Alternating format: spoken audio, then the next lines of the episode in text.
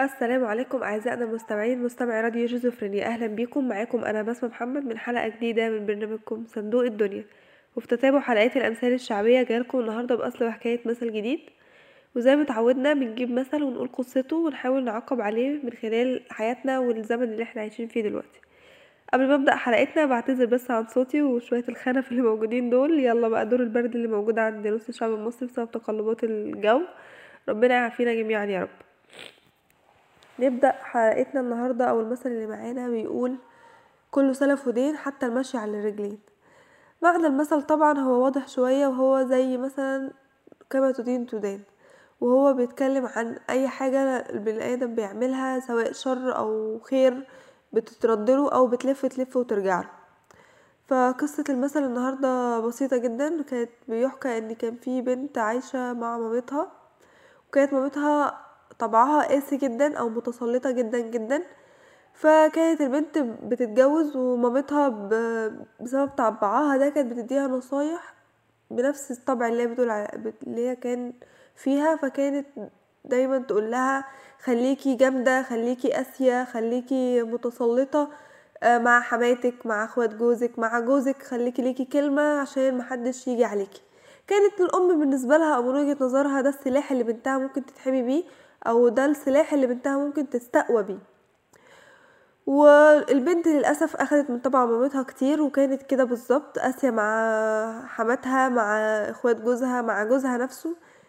بس يعني ممكن نقول بلغتنا دلوقتي عرفت تعيش عرفت تعيش علشان صدرت الوش الخشب.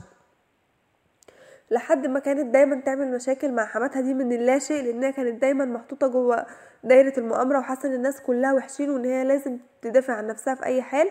فطبعا بطبيعة الحال أكيد كان في مشاكل كتير. وده اللي حصل مشاكل كتير حصلت واضطرت إن هي تمشي وتسيب البيت وتعيش في بيت لوحدها مش بيت العيلة اللي كانت عايشة فيه. وال... والجفا زاد بين الأم وابنها اللي هو جوزها. وما كانوش بيتقابلوا خالص وكانت الأم دايما حزينة وبتقول كانت. تقول بقى دايما المثل ده اللي هو كله سلف ودين حتى المشي على الرجلين يعني حتى إن أنتي مشيتي وسبتينا وخليتي ابني يبعد عني ده هيتردلك وبكرة تخلفي وتجيبي عيال ويعملوا معاكي نفس اللي أنتي عملتيه ومن هنا انتشر المثل اللي هو كله سلف ودين حتى المشي على الرجلين وبقى يتقال كتير في المواقف الشبه دي أو المواقف اللي دايما تحس إن اللي بيحصل هيلف ويلف ويرجع لأنك مسيرك تتحط في نفس الموقف. فببساطة كده لو جينا نعقب على المثل ده أنا عايزة أعقب بناحيتين زي ما اتعودنا مبدئيا نتكلم في الظروف الحياتية وإن إزاي الناس بتعمل ده دلوقتي. وفي نفس الوقت عايزة أعقب على الأم والبنت اللي في قصة المثل بتاع النهارده. عايزة أقول إن هو لما هي قالت إن هي تستقوى أو إن هي تصدر دايما وش الخشب أو إن هي تعيش دايما في دور إن هي بتدافع عن نفسها عشان حاسة إن كل اللي حواليها بيتأمروا عليها ده طبعا مش صح. إحنا ما بنقولش إن مفيش مشاكل أكيد بيبقى في مشاكل وطبيعة الحياة اللي كانت داخلاها الجديدة دي أكيد كانت هتواجه مشاكل مع أهل جوزها ومع حماتها خصيصا وكل الحاجات دي إحنا متفقين عليها. لكن مش معنى كده ابدا إن هي تقابل كل ده بال... بال... بالوش اللي هي قابلته بيه أو بالطبع اللي هي آه يعني خدته من مامتها اللي هو القسوة والجفا. لأن ده ما عملش أي حاجة غير إن هو آه زود المسافة بينهم. وكمان سببت في ذنب كبير إن هي توتر العلاقة بين ابنها آه بين جوزها وبين الأم.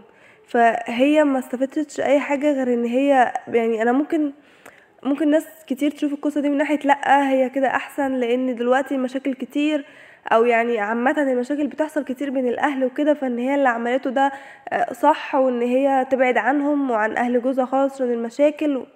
كل ده ممكن وجهة نظر تحترم يعني لكن اللي أنا شايفاه إن هي كان لو عاشت يعني لو كانت شافت ال... يعني حتى لو كانت عاشت شافت مشاكل وحاولت تصلح المشاكل دي كان هيبقى أفضل بكتير من الموقف اللي هي خدته من أولها كده وعملت المسافة دي وسببت في. في اللي حصل في النهاية لو اتكلمنا عن الموضوع وخدنا المثل من قصته ان هو كله سلف ودين هو كله سلف ودين في كل حاجة. بس لو اتكلمنا عن قصة القصة دي في ال- في ال- اللي حصل اللي هي علاقة الجواز يعني وبيت العيلة والمشاكل وكل الحاجات دي فدي عايز لها حلقات كتير وعايز لها أكتر من مثل أصلا يتقال في الحوار ده أو في حكاية ال- الزوجة اللي بتروح تعيش في بيت عيلة أو ال- ال- العلاقة بقى بتبقى عاملة إزاي ومن مشاكل وصدامات وحاجات كتير.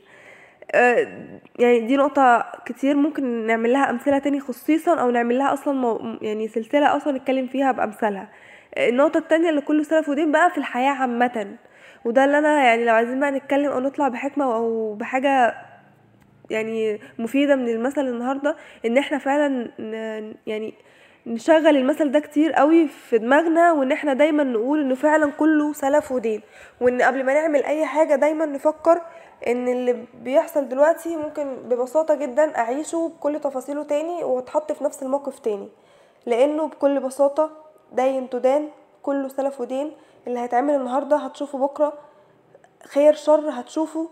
فنحاول إن إحنا نتعامل بلطف وبكرم كده علشان كله هيترد لنا. وهيترد في الدنيا وهيترد أكيد في الآخرة في علاقتنا مع ربنا. وبكده نكون وصلنا لنهاية حلقتنا. أتمنى إن شاء الله تكونوا است- استفدتوا لو بجزء بسيط. استنونا إن شاء الله الأسبوع الجاي بحلقة جديدة.